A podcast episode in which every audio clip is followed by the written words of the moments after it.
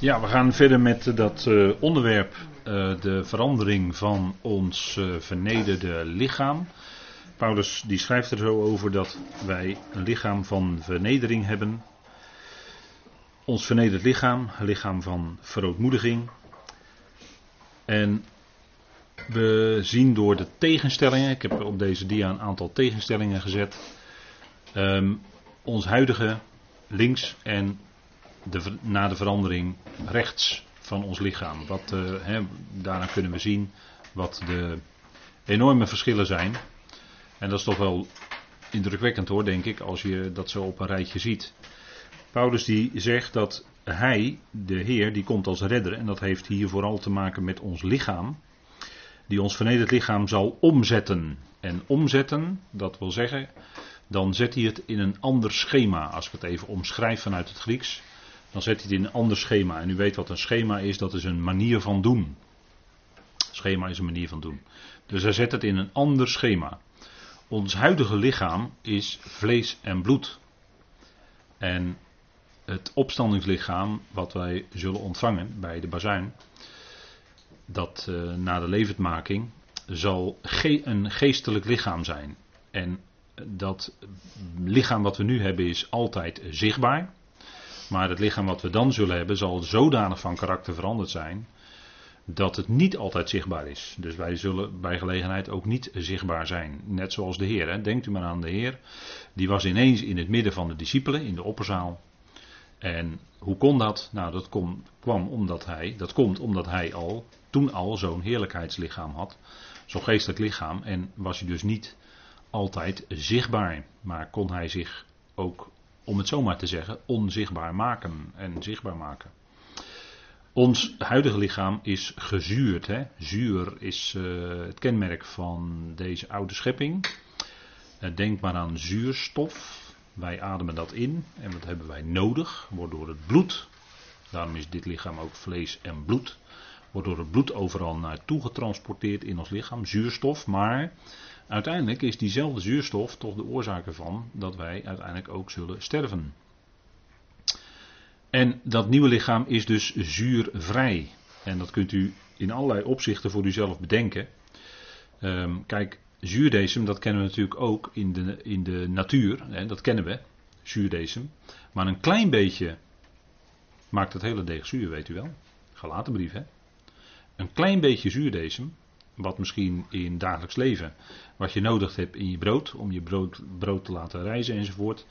Uh, het seizoen heel Holland bakt is weer net weer afgelopen, dus heeft weer allerlei ideeën kunnen opdoen. Ja, dan kan je weer allerlei ideeën opdoen natuurlijk, hè. Ja, maar ja goed, daar, daar leer je wel dat je zuurdesem nodig hebt, maar in, in uh, typologisch gesproken als je in de Bijbel gaat kijken, is zuurdesem helemaal niet positief. De Heer Jezus gebruikt het ook niet bepaald positief. Wacht u voor het zuurdesem van de fariseeën en de schriftgeleerden. En zuurdesem heeft dus te maken met verkeerde leringen, dwaalleringen, en zijdelings ook met de zonde. Dus dat heeft te maken met zuur. Hè? Dus zuur, in, dat hoort echt bij deze oude schepping. Maar de nieuwe is dan, dat nieuwe lichaam is dan zuurvrij, om het zo maar te zeggen. Hè? Oude lichaam is gebonden aan tijd en ruimte. En het nieuwe lichaam, dat veranderde lichaam, is niet gebonden aan tijd of ruimte. Dus dat is een hele andere hoedanigheid. Dat kunnen wij niet, kunnen wij niet beseffen. Hè? Als we door de Heer dan eigenlijk buiten de tijd gesteld worden, naar die verandering, moet u zich bewust, hè, dat, dat, dat kun je nu niet voorstellen, dat je dan buiten de tijd staat in feite. Dat tijd eigenlijk geen, helemaal geen rol meer voor je speelt. Dat oude, in die oude situatie was er sprake van niet onderschikkend zijn. dus dat vlees en bloed, die combinatie betekent dat je ziel bent. ziel, bloed. Ziel heeft te maken met het bloed, volgens de schrift. En toen de, levensadem, toen de levensadem in Adam geblazen was, werd hij tot een levende ziel. En daarom wordt er gesproken over dat wij nu een zielslichaam hebben. Maar ik ga dat met u lezen. In de nieuwe situatie is het onderschikkend. Hè? Dan is het volledig. Nu roept de Heer ons om onderschikkend te zijn. Dat is wat in de brief van Paulus steeds naar voren komt, onderschikkend zijn. Dan, nu is dat niet volledig, kunnen we dat niet volledig, omdat we last hebben van de oude situatie, om het zo maar te zeggen. Maar in de nieuwe situatie, als wij veranderd zijn, dan hebben we een geestelijk lichaam en dat kan zich wel volkomen aan de Heer onderschikken. Voor de volle 100%. En dat kunnen we nu nog niet. Oude schepping, nieuwe schepping, dat is ook zo'n tegenstelling. Hè? Of oude mens, nieuwe mens had ik er ook bij kunnen zetten.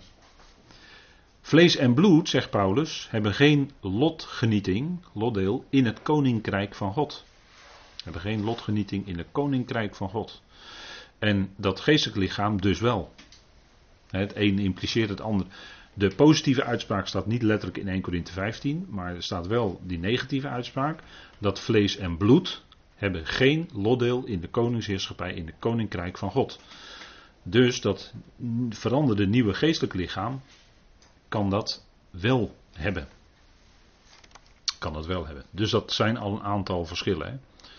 Dit is die omzetting. Dus dat, dat heeft nogal wat consequenties, hè, die omzetting.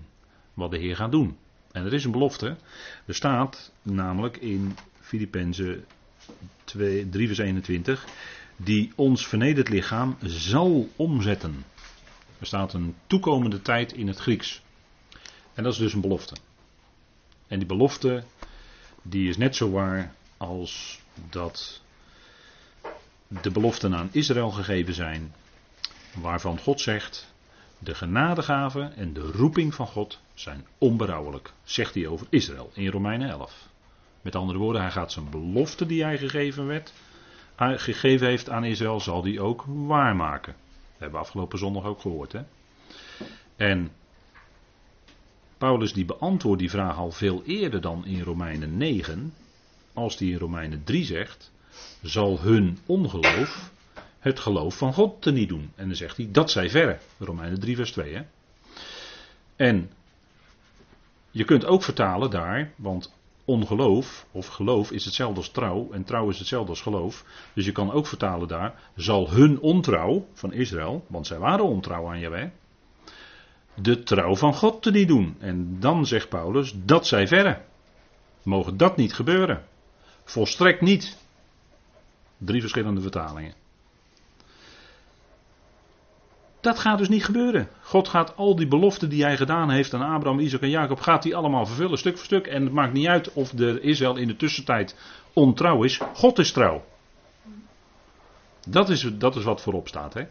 Trouw is God. En omdat hij trouw is, en dat de Heer trouw is, is het waar wat hier staat, Filippenzen 3 vers 21, die ons vernederd lichaam zal omzetten. Dat is inderdaad nog toekomst, ook nu nog steeds. Maar dat is een belofte en dat gaat dus gebeuren, want God is trouw. En dat geldt voor ieder lid van het lichaam van Christus. En er staat ook, dat weet u in 2 Timotheus 2, indien wij ontrouw zijn, God is getrouw, want hij kan zichzelf, de Heer is trouw, want hij kan zichzelf niet logenen. En dat gold ook bijvoorbeeld bij een Petrus.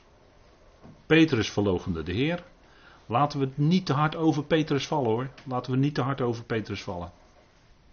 Wij zijn ook net zo mens. Maar God is trouw, de Heer is trouw. En die zette Petrus later alsnog in de bediening. Hè?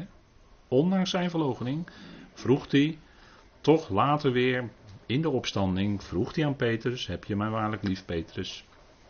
En dan zei hij tot drie keer toe, Heer, u weet dat ik u lief heb. En Petrus ging alsnog toch in die bediening waarvoor de Heer hem al had geroepen. En dat, dat, dat had de heer, was de Heer natuurlijk ook al lang van plan om hem in die bediening te zetten. Ondanks het feit dat Petrus de Heer verloochende, dat weten we maar al te goed. Maar laten we alsjeblieft niet met de vinger gaan wijzen. De Heer is trouw en hij zet hem in zijn bediening, want de Heer kon zichzelf niet. Hij had dat beloofd. En dat is het geweldige wat Filippenzen 3 zegt. Hè? Dat is onze toekomst. En kijk, dit is een mooi plaatje natuurlijk. Hè? En toch is dit oude schepping. Ja, ik moet u teleurstellen. Maar dit is oude schepping. Dit gaat ook een keer verdwijnen. Want in de nieuwe schepping zal er ook geen zee meer zijn, bijvoorbeeld, hè, om maar iets te noemen. Even gesproken over een verandering. Hè. Ik meen dat dit ergens in Zuid-Engeland is, maar. Is natuurlijk mooi, mooi plaatje. Maar het gaat, dit gaat ook verdwijnen. Er komt een nieuwe schepping voor in de plaats. want deze oude schepping, die moet verdwijnen, want dit is natuurlijk toch na de neerwerping, is dit een herstelde wereld. na de nederwerping van de wereld werd de wereld door God hersteld. Maar je zou bijna kunnen zeggen, net als Jericho, het is een wereld die er eigenlijk niet moest zijn, maar er toch is. God is genadig en gaat toch dat herstelwerk inzetten en hij gaat toch zijn plan doorzetten. En daarin zit een hele boeiende parallel met, met Jericho. Moet u maar eens over nadenken. Dat was ook de stad die er eigenlijk niet had mogen zijn, maar er toch is. En God had daar toch een bedoeling mee. Ondanks dat Jericho verwoest werd, werd het later toch weer opgebouwd. En het is er nu nog steeds. Hè? Maar het is wel de laagste plaats op deze aarde. Heel laag gezonken stad. Hè? Hele, hele lage stad. Net zoals deze oude wereld, deze oude schepping, in feite geestelijk gezien ook heel laag is. Hoe? Nou, hoe komt dat? Nou, door de zonde natuurlijk, hè? door het zondigen. En dat moet op een hoger plan komen, en dat zal de Heer ook bewerken.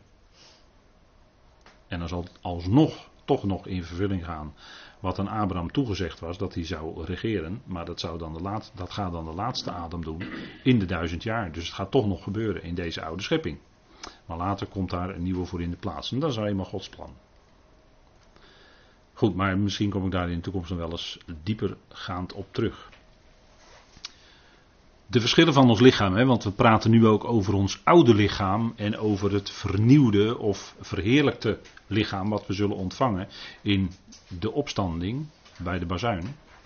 Hè, want daar wordt gesproken over een geweldige verandering. Nou, dat oude is sterfelijk, dat weten we maar al te goed.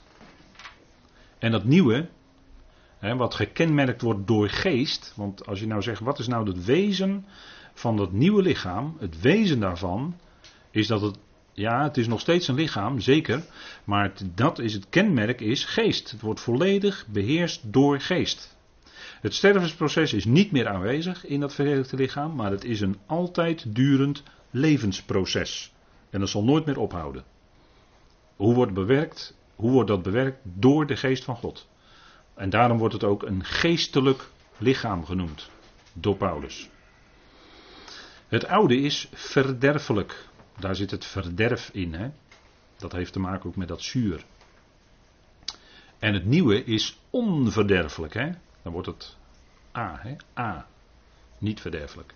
Het oude is zwak. Dat weet men al te goed. Maar het nieuwe is vol kracht. En dan kan ik zeggen, eindeloze kracht. Ja, inderdaad, eindeloze kracht. Het oude is ziels. Een zielslichaam is in de vertaling weggepoetst. Maar waar een natuurlijk lichaam staat in 1 Corinthië 15 staat eigenlijk het woord ziels. Psyche. En een geestelijk lichaam wordt opgewekt.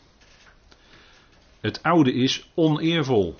De aftakeling van de mens is soms verschrikkelijk om te zien hoe een mens aftakelt in ouderdom. Het is verschrikkelijk, oneervol. Maar het nieuwe is vol met heerlijkheid vrucht of iets dat zwaar is. Hè? Het, heeft, het woord heeft ook te maken met zwaar en met schijnen. Schijnen. Vanuit het Grieks heeft het te maken met schijnen. Denk maar aan het heerlijkheid die de Heer had toen Saulus, toen Saulus hem tegenkwam op weg naar Damascus. Saulus was er drie dagen blind van. Zo'n enorme uitstraling van licht.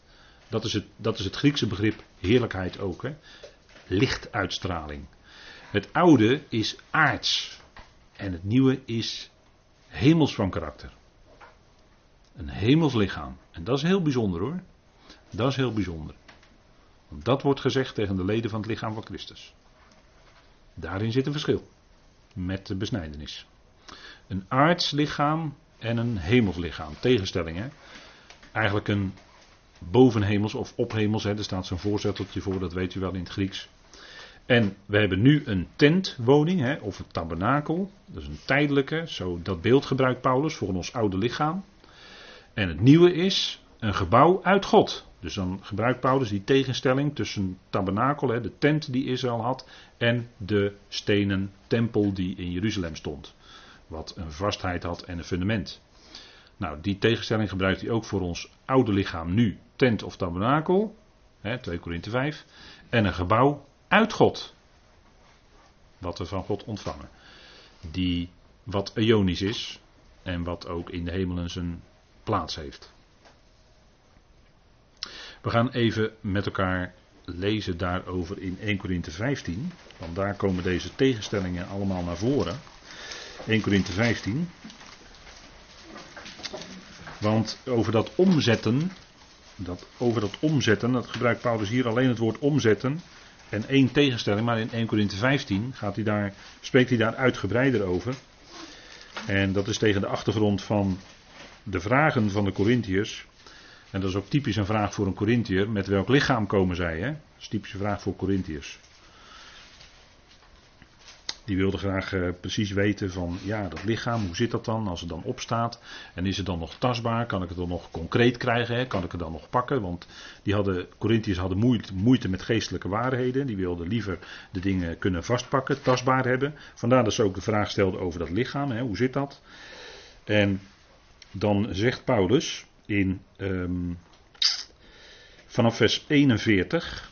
De glans van de zon is verschillend. En de glans van de maan is verschillend. En de glans van de sterren is verschillend. 1 Korinthe 15, vers 41. Want de ster verschilt in glans van de andere ster. En dan zegt hij: Zo zal ook de opstanding van de doden zijn. Het wordt gezaaid in verderfelijkheid. En het wordt opgewekt in onverderfelijkheid. Dat is geweldig, hè? daar zit er dus geen verzuring meer in, maar dan is het helemaal zuurvrij onverderfelijk. Het wordt gezaaid in oneer en het wordt opgewekt in heerlijkheid. Zie je hoe Paulus al die tegenstellingen opsomt? Het wordt gezaaid in zwakheid, dat is wat we nu ervaren, en het wordt opgewekt in kracht. En toch is het zo, hebben we Filippenzen 3 gezien, dat we in nu al die kracht van zijn opstanding, of moet ik zeggen iets daarvan, kunnen ervaren in ons leven nu. Dat God toch ongedacht kracht geeft om in lijden, verdrukking en alles eronder te kunnen blijven staan. Dat is die bijzondere opstandingskracht die hij dan nu al geeft. Een, en dan staat er in vers 44, en dan moet u even aanpassen. Een zielslichaam wordt gezaaid. En een geestelijk lichaam wordt opgewekt. Dus de tegenstelling is hier niet van natuurlijk en geestelijk, maar ziels en geestelijk. En dat is ook wat we vaker in Korinthe tegenkomen. Daar sprak Paulus in de eerste hoofdstuk over zielse gelovigen en over geestelijke gelovigen. Over, over zielse mensen en geestelijke mensen. En een zielsmens, die is geneigd om wat God onthult niet zo snel te accepteren, laat ik het maar zo zeggen. En een geestelijk mens kijkt anders, maar dan heb je ook een groei doorgemaakt. Hè? Als je opgegroeid bent tot een, qua geloof tot een geestelijk mens, dan kijk je anders. Dan kijk je door de dingen heen. Dan kijk je achter. En dat is belangrijk. Hè? Een zielslichaam wordt gezaaid, een geestelijk lichaam wordt opgewekt. Er is een zielslichaam en er is een geestelijk lichaam. En dat geestelijke lichaam, daar kijken we natuurlijk naar uit in de opstanding. Dat is wat God ons gaat geven. En zo staat er ook geschreven: de eerste mens Adam is geworden tot een levende ziel. In uw vertaling staat misschien wezen, maar het is ziel. Adam werd tot een levende ziel. Genesis 2 staat het heel duidelijk, ook in de Hebreeuwse grondtekst. Adam werd een levende ziel. Doordat God de levensadem of de adem van de levenden, de Nishmat Chaim, in zijn neusgaten blies. En zo werd Adam, staat er dan, tot een levende ziel. Een nefesh. Hebreeuwse woord voor ziel, nefesh. En de laatste Adam, let op hoe de Heer hier genoemd wordt. De laatste Adam, dus niet de tweede Adam, maar de laatste Adam. Tot een levendmakende geest. Dus daarmee is de Heer aangeduid als een levendmakende geest. Dat is een hele korte manier van spreken. Een levend maken de geest. En hij zal ook de mensen levend maken. Hij zal ook ons levend maken. En dan zegt Paulus: Het geestelijke is echter niet eerst, maar het zielse. Daarna het geestelijke. Dat is de volgorde zoals God die in deze oude schepping heeft ingesteld. Eerst ziels en daarna geestelijk. Maar let op dat hij wel het woord geestelijk het eerst gebruikt. Want hij noemt het begrip geestelijk in vers 46 wel voorafgaand aan het begrip ziels. En daar moet je toch op letten. Want eerst was er. Wie was er eerst? Nou, eerst was de Heer er. Als in geestelijke situatie. De Heer als de eerstgeborene van heel de schepping. En daarna als een afbeelding daarvan, om het zo maar te zeggen, van hem, werd Adam geformeerd, werd Adam gemaakt, geschapen. Ja? Dus vandaar dat Paulus toch hier het woord geestelijk eerst gebruikt. Hè? Hij noemt het toch het eerst. Maar de volgorde in de schepping is. Maar het zielse komt eerst. Dus eerst hebben wij een zielslichaam. Waar bloed in zit. Want de ziel is in het bloed. De ziel is in het bloed. En dat is wat ons bindt aan deze aarde. En dat is het wezen van ons oude lichaam. En daarna komt het geestelijke. Dus daarna komt het geestelijke lichaam naar die omzetting, naar die verandering. De eerste mens is uit de aarde. En dan staat er stoffelijk. Dat is natuurlijk wel, wel zo ergens. Maar er staat letterlijk van aardbodem. En dan aard even dun gedrukt tussen haakjes. Bodem. Of van de grond dat, is het, uh, dat is de stamvorm die we gekozen hebben. Kunt u zo met de NCV-app kunt u dat nakijken. Zorg dat je hem hebt, die app trouwens. NCV, heel, heel goed hoor, heel goed programma. De tweede mens, de tweede mens is de Heer uit de hemel.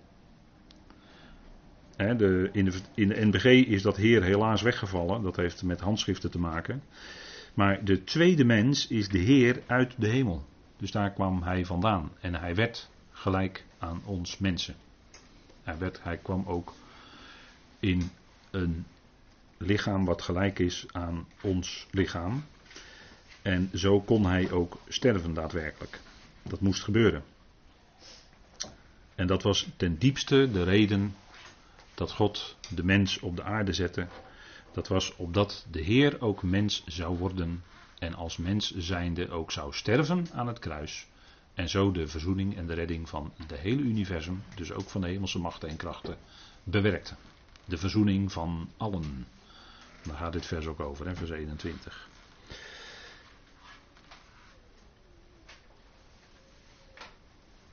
Zoals de stoffelijke is, of die van de aardbodem zijn, zo zijn ook, of zoals die van de aardbodem is, dat is dan Adam, zo zijn ook die van de aardbodem zijn. In de vertaling staat dan, zo zijn ook de stoffelijke mensen. Dus wij zijn allemaal van Adam af. Hè? Wij behoren allemaal tot het geslacht, menselijk geslacht van Adam. En zoals de hemelse is, de, of letterlijk de ophemelse, dat is dus de Heer, nu, zo zijn ook de hemelsen. En dat is toekomst voor ons. Wij zullen ook net zo hemels zijn zoals hij nu al is, hemelse heerlijkheid, zullen wij ook ontvangen.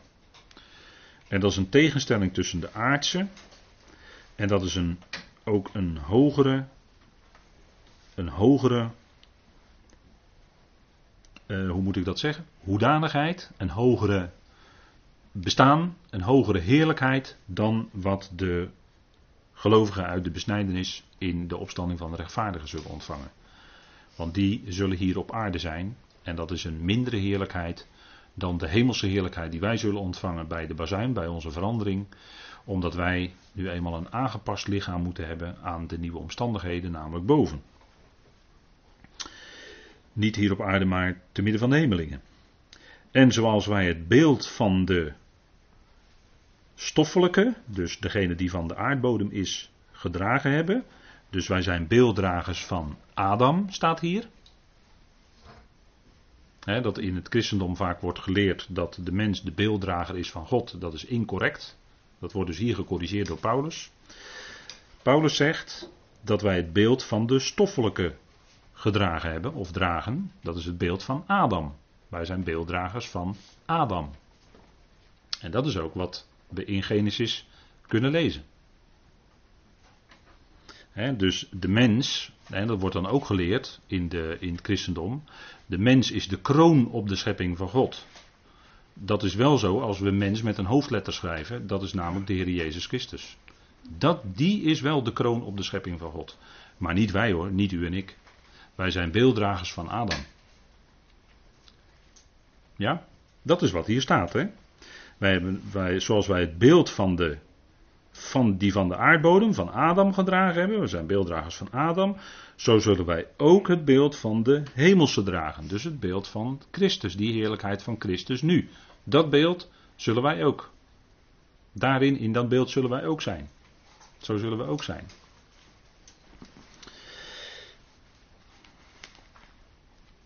Ja, dat zijn dus, zijn dus al die tegenstellingen. Hè? Dus dat is een enorme, dat is een enorm iets. Hè?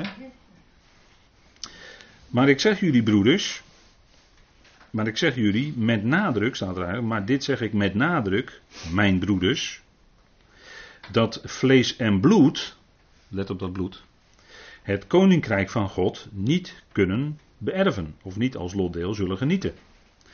En de verderfelijkheid beërft de onverderfelijkheid niet. Ik verbeter het gelijk hè, terwijl ik het voorlees. Zie, ik deel u een geheimenis mee. dat heb ik op deze dia gezet. Zie, ik zeg jullie een geheimenis of verborgenheid. Wij zullen niet alle ontslapen, wij zullen echter veranderd worden. Dus Paulus zegt nadrukkelijk, dit is, een, dit is ook weer een punt, hè? wij zullen wel niet allen ontslapen. En in het Grieks is dat woordje niet absoluut, is een sterk woordje niet. Je hebt ook een veel minder sterk woordje niet, maar hier staat juist een absolute ontkenning. Wij zullen niet alle ontslapen. Dus als je leeft bij het moment dat de bazuin gaat, zul je dus niet ontslapen, maar je zult veranderd worden. Dat is wat Paulus hier zegt. Wij zullen echter veranderd worden. En dan gebruikt hij het Griekse woord alasso.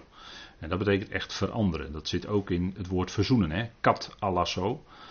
Uh, dat is, duidt ook op een verandering. Hè? We vertalen dat met verzoenen. Maar het is eigenlijk neer veranderen. Het woord katalasso in het Grieks. Hè? Als je het heel letterlijk vertaalt vanuit de Griekse delen. Wij zullen echter veranderd worden. Nou goed, dat verzoenen even terzijde. Wij zullen echter veranderd worden in een ondeelbaar en dan mag u erbij denken wat u wil, seconde, ogenblik, eh, noem maar op. Maar er staat eigenlijk ondeelbaar hè, of onsnijdbaar, een atomos, een atomo staat er in het Grieks. In een atomo staat er in de derde naamval. Ondeelbaar, je kunt het dus niet snijden. Zo'n kort tijdsmomentje zal dat zijn. In een oogwenk. Nou, hoe snel doe je een oogknippering? Hè? In de laatste bazuin. En tussen haakjes stoot, want dat is de gedachte. En dat staat er niet letterlijk weliswaar in het Grieks, maar het is wel de gedachte. U moet hier niet denken aan de zevende bazuin van openbaring, want daar gaat het hier helemaal niet over, totaal niet. Dat is een moment van gericht en hier gaat het om een reddingmoment voor de gemeente. En de zevende bazuin in openbaring gaat over iets totaal anders. Dat is, heeft te maken met gericht. Dus het gaat hier over in de laatste bazuinstoot. Want de bazuin zou klinken, vers 52, en dan staat er eigenlijk, want hij zal bazuinen. Wie? Nou, de Heer zelf. Hij met een hoofdletter. Hè? Hij zal bazuinen. Hij zal zelf de bazuin steken en blazen. En de doden zullen onverderfelijk opgewekt worden. En wij zullen veranderd worden. Dus degenen die levend dat moment meemaken, die zullen veranderd worden. En de doden worden opgewekt. En ook natuurlijk in dat verheerlijkte lichaam tegelijkertijd. Maar wij, als we leven bij de bazuin, zullen wij niet sterven, maar we zullen veranderd worden. Dat is wat de tekst hier zegt. Hè? Paulus ontkent het nadrukkelijk hoor. Wij zullen niet, nadrukkelijk in het Grieks, allen ontslapen. Wij zullen echter veranderd worden. Dat is wat er staat. En in een ondeelbaar ogenblik, in een oogwenk, in de laatste bazuinstoot. En dan gaat de tekst verder. Hè? Want dit verderfelijke, vers 53, moet zich met onverderfelijkheid bekleden. Hè? Of zo moet, moet onverderfelijkheid aandoen. En het sterfelijke onsterfelijkheid aandoen. Let op dat hier staat moet. Paulus gebruikt dat woord niet zo vaak, maar hier wel. Want dit verderfelijke moet onverderfelijkheid aandoen. Heel sterk woord hè, hier in het Grieks. En dit sterfelijke, en dan wordt het woord moeten weliswaar niet herhaald, maar het wordt geïmpliceerd. Dat is een stijlvorm ellips. Dan wordt soms een woord weggelaten om het nog meer nadruk te geven. Het moet er eigenlijk wel staan, maar in stijl kun je dat weglaten. Dit sterfelijke onsterfelijkheid aandoen. En dit verderfelijke. En wanneer dit verderfelijke met onverderfelijkheid bekleed zal zijn of aangedaan zal hebben en dit sterfelijke zich met onsterfelijkheid bekleed zal hebben, dan zal het woord geschieden dat geschreven staat, de dood is verslonden tot overwinning. En daar gaat het om. Hè. De Heer zal die dood buiten werking stellen. Christus Jezus is degene die de dood opheft, buiten werking stelt, zegt Timotheus. En waar er nog dood is, want er staat daar in Timotheus in de aorist, hè, dus niet aan tijd gebonden. Is een feit. Dus zolang er nog sprake van dood is, is daar Christus Jezus die die dood buiten werking zal stellen. Dat zal op bepaalde tijdmomenten gebeuren. Maar het gaat gebeuren en het zal in groepen zullen de mensen opstaan en levend gemaakt worden. En elke keer als een groep opstaat, wordt die dood buiten werking gesteld. En dat geldt dus ook voor de tweede dood. Want er staat in Timotheus dat Christus Jezus degene is die leven en onverderfelijkheid aan het licht brengt door het evangelie. En hij stelt de dood buiten werking. Of hij heft de dood op. En dat is een feit, dat is niet aan tijd gebonden. Dus zolang er nog sprake is van dood, of het nou de eerste of de tweede dood is, dat maakt voor de Heer geen verschil. Hij stelt die buiten werking op Gods tijd en dan zal ieder uiteindelijk leven. En dat is geweldig. Dat is evangelie. Dan heb je echt goed nieuws hoor. Die tweede dood wordt eens ook buiten werking gesteld. Dat is de belofte. Staat ook in 1 Korinthe 15, vers 26. Hè? Dat is de laatste vijand. Dat is de dood. En dat moet de tweede dood zijn. Dat kan niet anders. Als je openbaring naloopt. Dat moet de tweede dood zijn, maar die wordt buiten werking gesteld. Absoluut zeker, het is een feit. Dat is de belofte. En dat gaat de Heer waarmaken. En dat is gewoon een mededeling, weer zo'n prachtige mededeling. Hè? Ik hou er wel van, al die mededelingen. Vind het wel leuk. Oh, nou, leuk is misschien het heel verkeerde woord hoor. Maar ik vind het eh, eigenlijk heel erg fijn dat het mededelingen zijn, want dan heb je ook vaste grond waarop je kan staan. Zo is het. Kijk, en ons lichaam, Paulus zegt ervan in Filippenzen 3, ons lichaam wordt samen gevormd, staat er dan. En ik heb het hier even heel letterlijk vanuit het Grieks, dit is niet de concordante vertaling, maar ik heb het even heel letterlijk vanuit het Grieks uitgeschreven. Samen gevormd tot het lichaam van de heerlijkheid van Hem. Dan heeft u het helemaal zoals het in het Grieks staat. zijn heerlijkheid, nou denk maar aan Saulus. Saulus is de enige die hem heeft gezien in die heerlijkheid. En daar was hij drie dagen blind van. Hij spreekt erover in Handelingen 26. En dan zegt hij, dat licht was feller dan de middagzon. Nou, daar in Syrië is, uh, hij was op weg naar Damascus, dus Syrië. Dat licht daar bij de middagzon in het Midden-Oosten, dat is heel erg fel hoor, die zon. Midden op de dag. Maar dit was een licht wat feller was dan de middagzon. Moet je nagaan. Zo spreekt hij erover. En wat gebeurt er dan? Dan wordt, worden wij veranderd. En ook de doden in Christus die opgewekt zijn op dat moment. En wij ontvangen allemaal als volledig lichaam van Christus. Daar is ieder lid bij. Dus het zal een geweldig weerzien zijn. Met allen die ons ontvallen zijn. Maar dat zal samen gevormd worden aan zijn heerlijkheidslichaam. En die heerlijkheid die hij heeft, en waar die Saulus had gezien, die heerlijkheid, die zullen ook wij ontvangen. En dat is, dat is zeggen, ja, dat is adembenemend. Nou, dat vind ik ook, dat is adembenemend. Dat is fantastisch. Dat, dat we dat ontvangen, dat is genade. Dat is genade. Waar heb je dat aan verdiend? Nou, nergens anders, gewoon genade hoor. Of gewoon, genade is heel bijzonder. En kijk, dat is wat de apostel Paulus ook zegt in Romeinen 8, vers 29. Want hen die hij tevoren gekend heeft, heeft hij ook tevoren ertoe bestemd aan, aan het beeld van zijn zoon gelijkvormig te zijn, opdat hij de eerstgeborene zou zijn onder vele broeders. Dus wij worden gelijkvormig gemaakt aan het beeld van de zoon. En dat is niet alleen de vrucht van de geest, geestelijk gezien, maar dat houdt ook in, heel letterlijk, dat heerlijkheidslichaam. Dat houdt het ook in. En dat is iets geweldigs, hè? Dat is een enorme toekomst. Enorme toekomst. En, en dat is een enorme kracht die daarvoor nodig is. En die kracht, die, uh, ja, die kracht die heeft hij.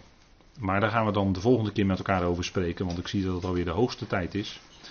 Maar, en misschien de volgende keer dan is er misschien al een moment geweest waarvan de Heer zei het is de hoogste tijd dat de bazuin klinkt. Dus het zou best kunnen zijn dat we over 14 dagen hier niet zitten, maar dat we heel ergens anders zijn. Dat zou ook nog kunnen. En dan hebben we al dat heerlijkheidslichaam, net als de Heer. Dus ja, dat is een mooie, mooie afsluiter. Tot zover.